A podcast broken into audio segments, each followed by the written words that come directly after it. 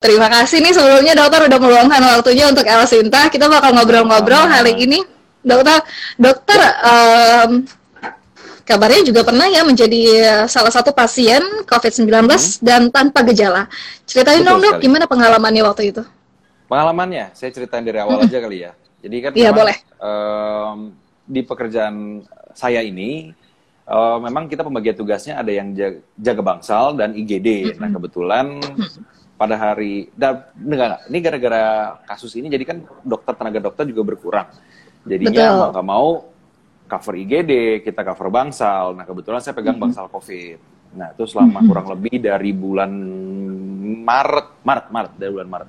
Oke. Okay. nah itu kita kan di situ dilakukan screening uh, PCR berkala dari rumah sakit. Nah kebetulan ini tanggal 13 kalau nggak salah. Tanggal 13 mm -hmm. Agustus ya 13 Agustus itu mm -hmm um, kita dilakukan screening PCR berkala, semua dokter, perawat, semua tenaga medis, dan didapatkanlah itu tanggal 18 kalau saya nggak salah 18 itu keluar hasilnya saya positif. Nah itu kondisi saya lagi masih di rumah tuh hari Sabtu inget banget. Oh, lagi libur ya, lagi off. Enggak, enggak libur, saya tetap masuk ada operasi. Oh, okay. nah, hari Sabtu okay. ditelepon oleh uh, pihak rumah sakit. Rumah sakit, dokter Bobi di mana?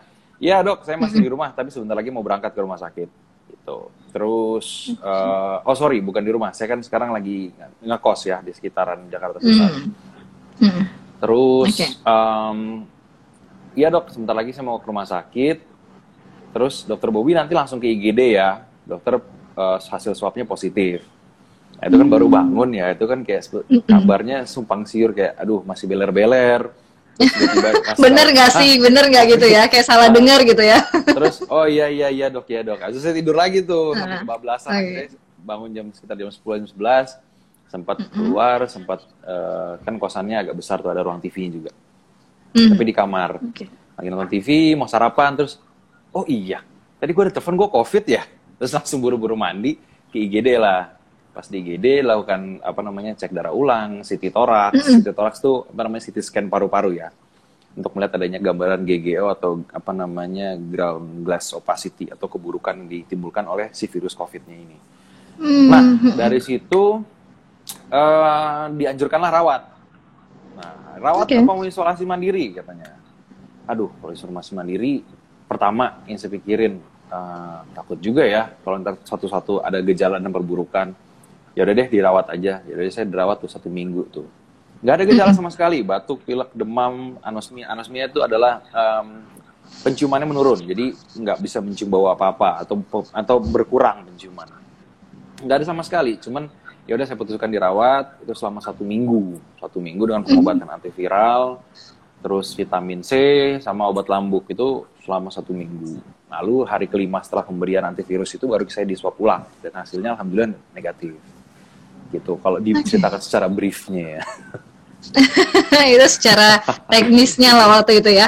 Tapi iya. perasaannya gimana sih dong waktu ya waktu di telepon pertama kali kan memang lagi baru bangun tidur terus akhirnya hmm. sadar nih. Tapi pas udah benar-benar sadar dan menjalani uh, segala macam hal lah uh, dalam isolasi atau juga karantina mandiri gitu, perasaannya apa sih dokter? Kayak percaya nggak percaya nggak sih kalau ternyata OTG gitu? Uh, udah nebak sebenarnya kayak udah nebak karena? Dengan apa ya kita kerja setiap hari mm -hmm. sebenarnya kalau ke bangsal covidnya itu saya kalau lagi jaga aja ataupun lagi visit pasien perburukan gitu. Uh, bisa dibilang okay. seminggu itu kita bisa 3 sampai empat kali bahkan lebih um, masuk bangsal covid kita periksa pasien-pasien ini dengan gejala. Kadang yang perburukan di ICU sampai kita harus prosedur intubasi intubasi itu maksudnya masukin selang ya alat bantu nafas mm -hmm. itu kan prosedur aerosol di mana droplet-droplet itu bisa saja terjadi kebocoran. Nah, itu kurang lebih cukup sering lah tenaga-tenaga medis saat ini gitu. Dan mm -hmm. itu mungkin kita APD-nya lengkap, APD level 3, segala macam kita pakai. Cuman kan namanya yang saya sering bilang kalau setiap saya uh, dimintai keterangan atau dimintai wawancara seperti ini, saya selalu bilang human error itu pasti ada, kelelahan itu pasti ada. Mungkin di mana kita yeah. Iya. uh, miss saat penggunaan atau pencopotan ataupun prosedur disinfektan itu kan kita nggak tahu. Tapi yang jelas saya sudah beri pikiran ya udah memang kalau dulu kita masih bisa enak kali ya pas waktu psbb itu kita masih bisa enak masih bisa kontrol. Oke pasien ini. Kita nggak terlalu sering dapat panggilan. Tapi kalau sekarang melihat kondisi sekarang, pertambahan kasus seribu bahkan sampai tiga ribu per hari, itu ya kita lama-lama kacamata kita terbuka juga bahwa sebenarnya tenaga medis juga tinggal tunggu waktu untuk kena. Itu selalu, selalu saya bilang tuh. Hmm. Ya okay. udahlah, mungkin ini memang uh, resiko, resiko pekerjaan kali ya. Gitu. Mm -mm. Tapi akhirnya menerima dengan ikhlas lah ya waktu itu. Oh, saya terima, oh, saya terima dengan ikhlas kok. Saya sudah mempersiapkan kalau misalnya saya kena gimana, kalau misalnya perburukan yeah. gimana, kalau misalnya saya tidak sadar gimana, itu sudah saya di kepala sudah dipersiapkan. Cuman yang saya tidak persiapkan adalah kalau saya bagi-bagikan ke orang lain. Itu aja. Nah, itu tuh yang harus kita catat dan juga harus kita bagi uh, kita garis bawahi. Jangan sampai COVID-19 ini kita bagi untuk orang lain apalagi orang-orang yang kita sayangi atau kita cintai juga ya, Dokter ya. Betul juga. Terutama betul. keluarga. Betul. Nah, ini banyak banget masyarakat yang masih memang kurang sadar untuk mematuhi protokol kesehatan, menggunakan kurang masker sadar, yang mungkin sadar atau memilih untuk hmm. mau sadar. Ini dokternya loh yang ngomong bukan saya loh. Kalau saya tiap hari udah ngomong di udara ya dokter ya udah on air ngomong ingetin masker. Tapi kayaknya ini lebih kenal lagi kalau dokternya langsung yang ngomong karena yang langsung nanganin pasiennya nih dokter. Gimana yeah, sih iya. dokter caranya atau uh, apa ya sosialisasi secara uh, omongan yang seperti apa baiknya kalau kita untuk ngingetin protokol kesehatan digunain dong, jangan sampai nambah lagi nih kasus dok. Sebenarnya kalau saya sih sudah terlalu ah gimana ya? Sebenarnya nggak boleh ngomong gitu apatis juga nih. bukan apatis maksudnya kayak eh, pemerintah tenaga kesehatan bahkan gugus tugas percepatan covid itu sudah berulang kali dan dengan bagus. Maksudnya apa namanya tolonglah himbauannya itu dimengerti dan dikerjakan. Nah saya sebenarnya ya. pribadi kayak sudah agak lelah untuk meng, untuk mengingatkan. Cuman ya setiap saya dapat pasien di rumah sakit ataupun saya ketemu ngobrol-ngobrol seperti ini saya harus tetap harus mengingatkan bahwa gampang kok sebenarnya untuk memutus rantai. Masalahnya mm -hmm. mau atau tidak gitu. Itu aja sih. Betul. Baik, dokter saya karena ini kita live di ya. uh, Radio El Sinta, saya juga ya. ajak pendengar El Sinta ya yang ingin ngobrol-ngobrol dengan Dokter Bobby Tanamas, ya. dokter dari Rumah Sakit Swasta di Jakarta yang juga berbagi pengalaman seorang pasien COVID-19 tanpa gejala dan bisa ya. survive, bisa sampai dengan sembuh. Nanti kita akan lanjutkan kembali untuk ceritanya. Dan Anda yang ingin bertanya langsung dengan Dr. Bobby Tanamas, silakan bisa langsung saja telepon kami di 0215869000 atau melalui pesan singkat dan juga WhatsApp 0811806543. Anda yang sudah join di Instagram juga bisa bertanya melalui kolom komentar di uh, live Instagram Elsinta News and Talk. Sudah banyak yang bergabung menyapa uh, Dr. Bobby. Uh, ini banyak yang iseng sih sebenarnya netizen-netizen kita nih banyak yang iseng nih karena Dr. Bobby yang uh, tampak good looking. Alah, enggak lah. kan pasaran dokter, mana ada. Ini banyak yang bilang, dokter lebih bagus rambutnya digerai aja. Lah. Aduh, jangan ini abis dari dari kamar operasi pasti lepek. Oke, okay. dokter, kita lanjutin kembali ngobrol-ngobrolnya. Tanpa ya, ya. gejala, uh, survive dan sampai dengan sembuh itu uh, gimana dokter caranya? Ini sekaligus juga ya untuk memotivasi pendengar El Sinta yang saat ini juga sedang berjuang untuk melawan COVID-19. Oke, okay, ini mungkin pesan saya dari uh, apa namanya dari pengalaman ya. Uh, mungkin karena OTG, jadi saya bisa bilang ini untuk pasien-pasien yang tanpa gejala gitu. Uh, pertama protokol tetap dilakukan di rumah sakit. Protokol tetap dilakukan di rumah sakit. Yang kedua, hmm. jangan lupa untuk selalu berolahraga karena virus COVID ini atau penyakit COVID-19 ini sebenarnya uh, akan menghancurkan metabolisme tubuh kita. Jadi, gimana sih cara menangkalnya dengan cara yang mudah? Itu ya seperti berjemur di pagi hari, saat matahari pagi keluar itu kita berjemur. 15 menit sampai 20 menit sangat cukup baru lari pagi. Lari pagi itu buat saya penting banget. Waktu saya dirawat itu sampai tiga hari ke depan setelah perawatan saya tetap lari pagi. Itu kira-kira setengah enam saya mulai lari pagi start. Lari pagi uh, kurang lebih 30 menit sampai matahari keluar keringetan habis itu berjemur. Lanjutkan dengan pengobatan antivirus dan vitamin C. Vitamin C penting banget sebenarnya karena uh, meningkatkan sistem imun dan kekebalan tubuh di situ Mm-hmm. Itu aja sih okay. sebenarnya. Tapi harus dilakukan secara rutin. Kalau cuma sesekali. Betul. Nah ini ada yang nanya ya, asupan makanan vitamin apa yang bagus untuk menjaga COVID? Sebenarnya kalau Betul. makanan, nah untuk makanan itu tinggi protein paling penting. karena protein sendiri asam amino itu bisa memicu pembentukan sistem imun tubuh kita. Dan vitamin Contohnya apa nih, Dok? Contohnya? Contoh makanan ayam. yang berprotein. Ayam? Ya, daging ayam, daging ayam, daging ikan, tempe, tahu, telur, putih telur gitu. Mm. Itu sangat simple itu aja. Yeah. Dikonsumsi setiap hari. Gitu. Kalau saya dulu okay. konsumsinya pagi saya makan telur, siang makan ayam, malamnya makan ikan. Itu terus setiap uh, satu minggu itu, selama satu minggu itu. Oke, okay. kalau untuk vitaminnya, asupannya yang terbaik apa ini dokter dari vitamin? Kalau saya menyarankan vitamin D dan vitamin C. Vitamin C seribu hmm, Yang mudah untuk didapat ya itu ya? Sorry? Mudah untuk didapatkan juga ya dokter ya vitamin mudah D dan juga C. Dijual bebas kok. Mm -hmm. Gitu. Baik, ada yang bertanya juga dari akun Rio dari Hutagalung. Dokter, saya ya. mau tanya kebiasaan apa saja yang dilakukan Dokter Bobby saat isolasi mandiri? kegiatan itu tadi yang saya bilang kayak pagi-pagi itu kita olahraga cari matahari itu penting banget mm-hmm. terus setelah itu sarapan setelah sarapan saya nyuci baju nyuci baju sendiri mm, lumayan berasa anak kosnya ya iya habis itu siang sempatin ya saya kan kebetulan bawa barbel nih bawa jadi kita mm. ngejim ngejim sedikit lah menjaga kebugaran. Habis itu okay. makan siang isi dengan waktu baca-baca belajar. Kan kebetulan saya juga mau ambil sekolah nih spesialisasi. Mm-hmm. jadi ya udah mumpung kayak ngang, nganggur nggak ada kerjaan ya udah saya baca-baca. Terus nanti sore hmm. lari lari sore lagi sama teman-teman yang dirawat. Kan kebetulan kita dirawat berlima tuh. Jadi kita rame-rame lari tapi tetap jaga jarak kira-kira hmm. kurang lebih dua meter lah terus pakai masker yeah. gitu oke okay, artinya gitu tetap produktif gitu, ya dokter ya Selama mandi, harus. selama isolasi mandiri pun kita tetap harus produktif. Baik, dokter sebelum kita lanjutkan kita sudah ada penelpon, ada tiga penelpon ini yang sudah menunggu. Saya sapa terlebih dahulu ada Pak Zen Nasution di Tebet, ya. Jakarta Selatan. Selamat sore Pak Zen.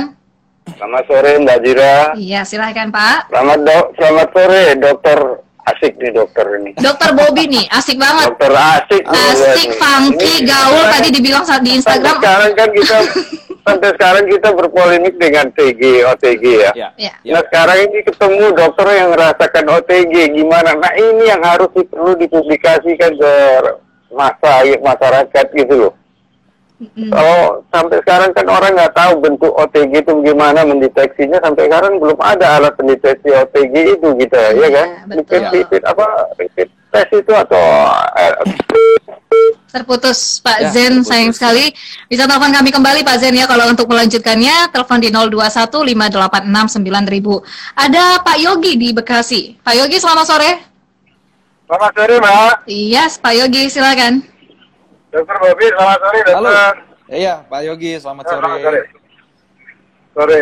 Dokter, kebetulan saya tim gugus penanganan di perusahaan. Hmm. Ya.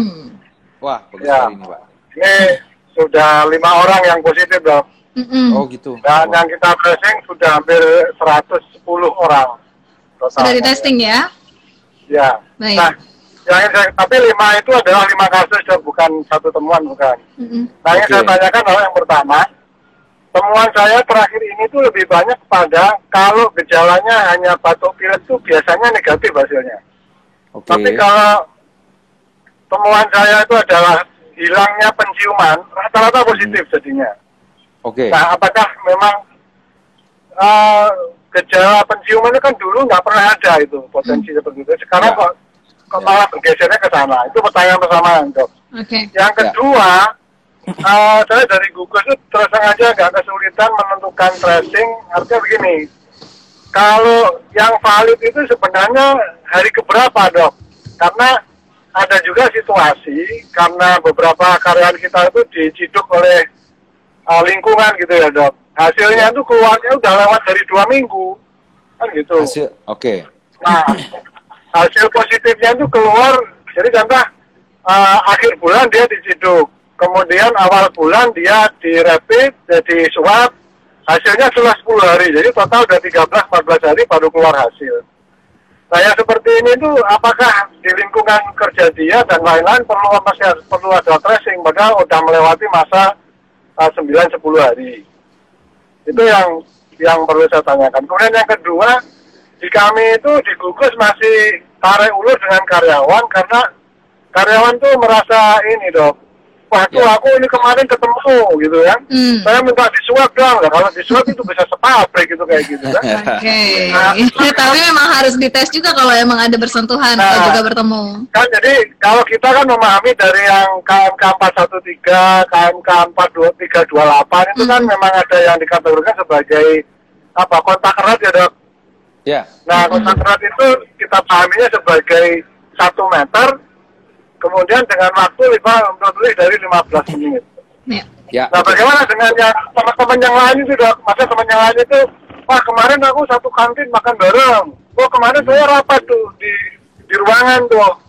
Ada kalau satu jam kebetulan ada lagi membahas masalah problem kantor gitu. Nah kayak itu kita jadinya, wah jadi banyak banget. Perusahaan harus nanggung banyak juga ya karena di tempat saya suap itu masih 1,8 dok harganya lumayan juga sih. Ya, rata-rata memang segitu. Oke. Okay. Satu setengah juta. Itu kan kira-kira ada. Itu saja ya Pak Yogi. Baik, terima kasih, terima kasih. Nanti akan dijawab oleh Dokter Bobby satu persatu.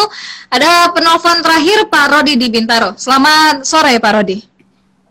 Sore Bu, sore Mbak. Ya, silakan Pak Rodi dengan Dokter Bobby. Pak Rodi. Ya. Dok, ini dok.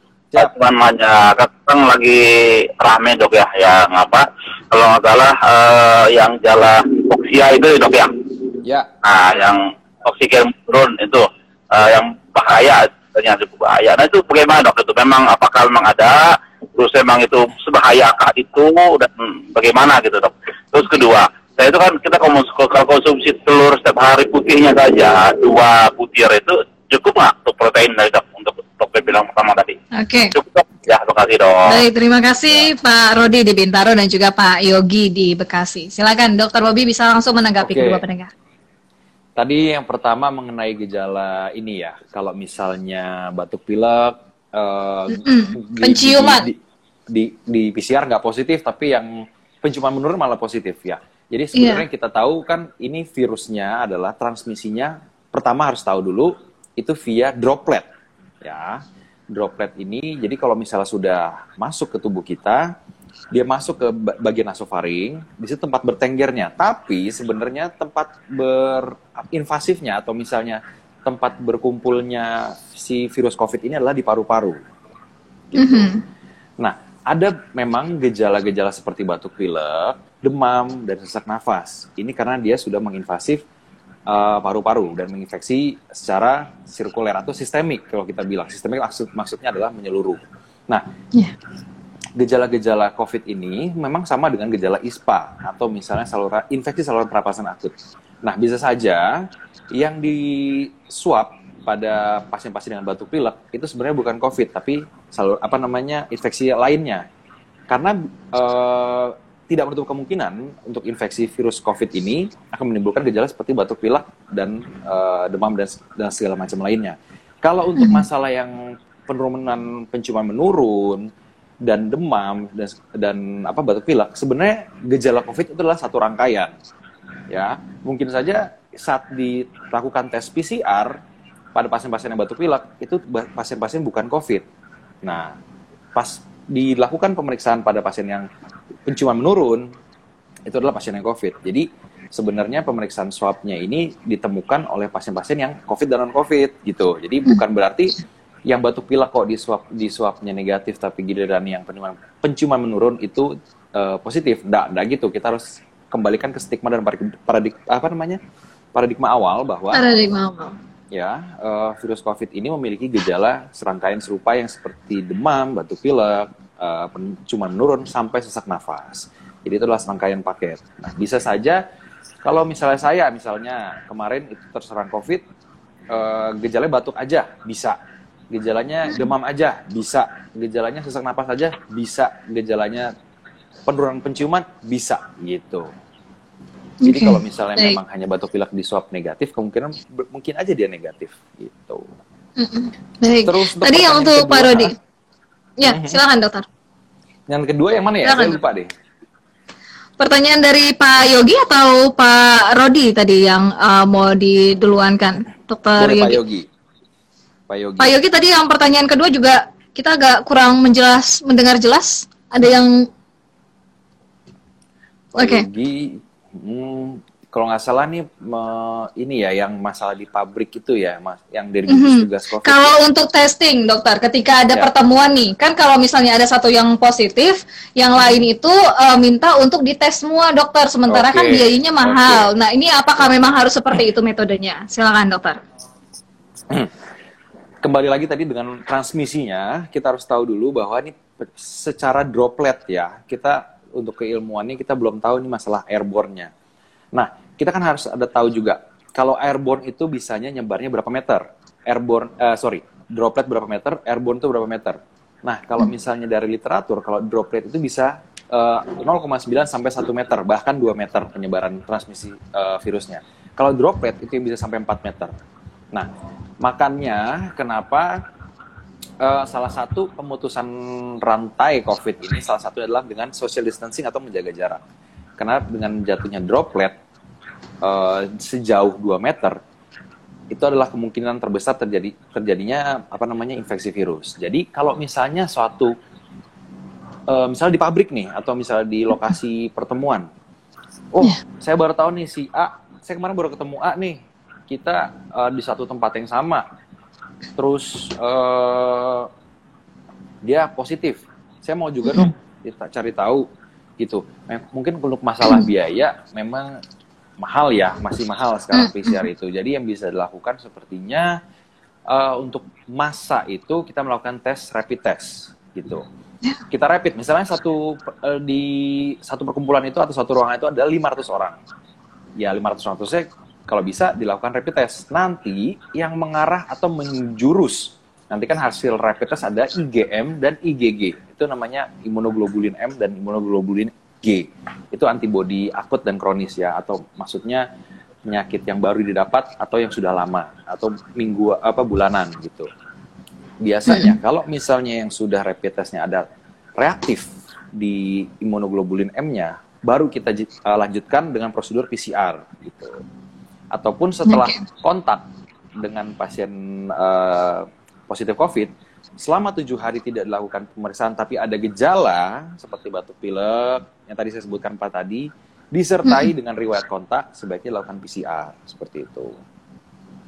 Baik, kalau Pak Rodi tadi nanya untuk protein mengkonsumsi dua butir ya. telur setiap hari uh, cukup tidak dokter? Sebenarnya kalau untuk TKTP atau tinggi kalori tinggi protein itu yang dianjurkan 1.500 sampai 1.800 kalori per hari.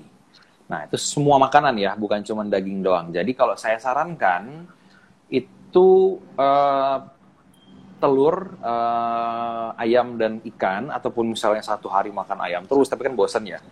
Itu dilakukan. Jadi tiga kali sehari makan dengan tinggi protein gitu. Kalau misalnya cuma satu kali, saya rasa kurang untuk masalah proteinnya. Cuman kan kita nggak tahu dengan sistem imun tubuh kita sendiri.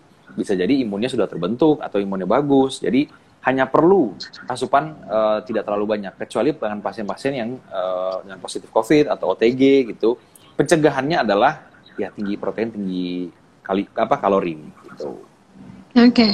kalau berbicara soal protein, ini juga ada pertanyaan dari akun Trio underscore Kentung. Dokter, berarti ya. cuman vegan, vegan itu lebih mudah terserang COVID-19 dong, dokter? Kalau harus memenuhi protein. Maksudnya ya? Vegetarian. Nah, protein itu juga ada yang kita bagi juga protein hewani sama protein nabati.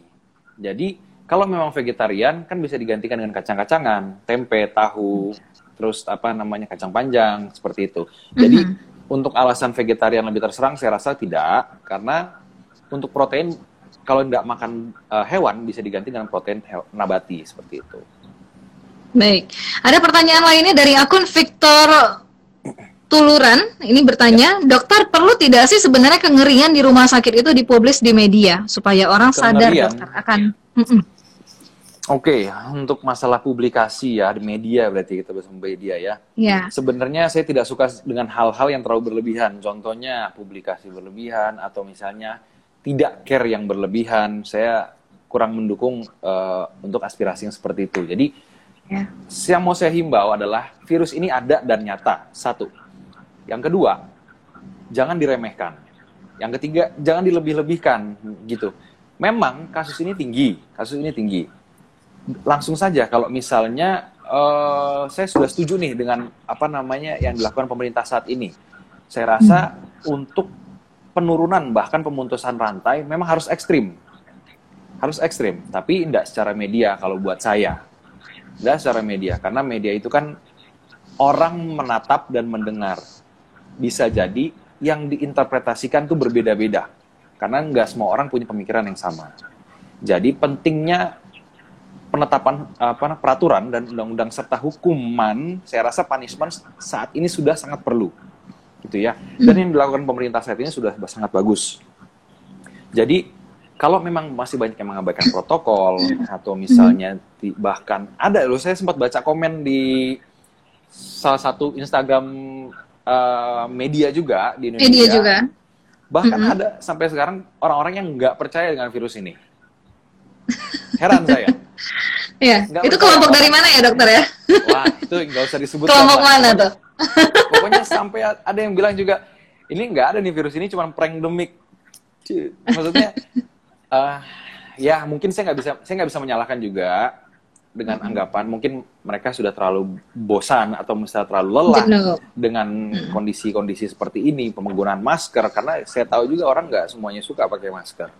Mungkin mereka lelah dan akhirnya mulai mengabaikan tapi yang mau saya himbau di sini adalah halo teman-teman di sini virus virus COVID-19 ini nyata dan ada gitu. Mungkin kalau misalnya terjangkit di, di saya atau di orang A, B itu bisa tidak menimbulkan gejala atau OTG atau sekarang kita udah ganti uh, protokol namanya asimptomatik.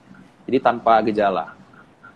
Tapi kalau misalnya masuk di tubuh orang tua kita atau misalnya orang-orang yang rentan memiliki komorbid seperti diabetes, hipertensi, sakit jantung, mm-hmm. terus kelainan paru lainnya, belum tentu mereka sekuat kita.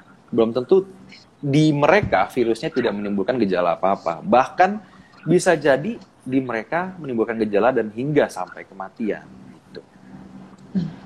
Ada beberapa pertanyaan melalui WhatsApp, dokter. Ini dari Pak Beni. Dokter, tahap-tahapan gejala COVID dari awal sampai dengan berat itu seperti apa sih dokter? Tolong dijelaskan. Kemudian, okay. kalau setelah OTG itu sembuh dokter, bisakah imun kembali?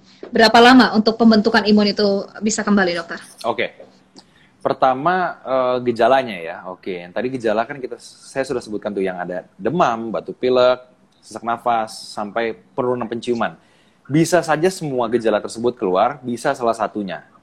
Nah, tingkat keparahan apa sih yang timbul dari uh, gejala klinis COVID-19 ini? Sesak napas.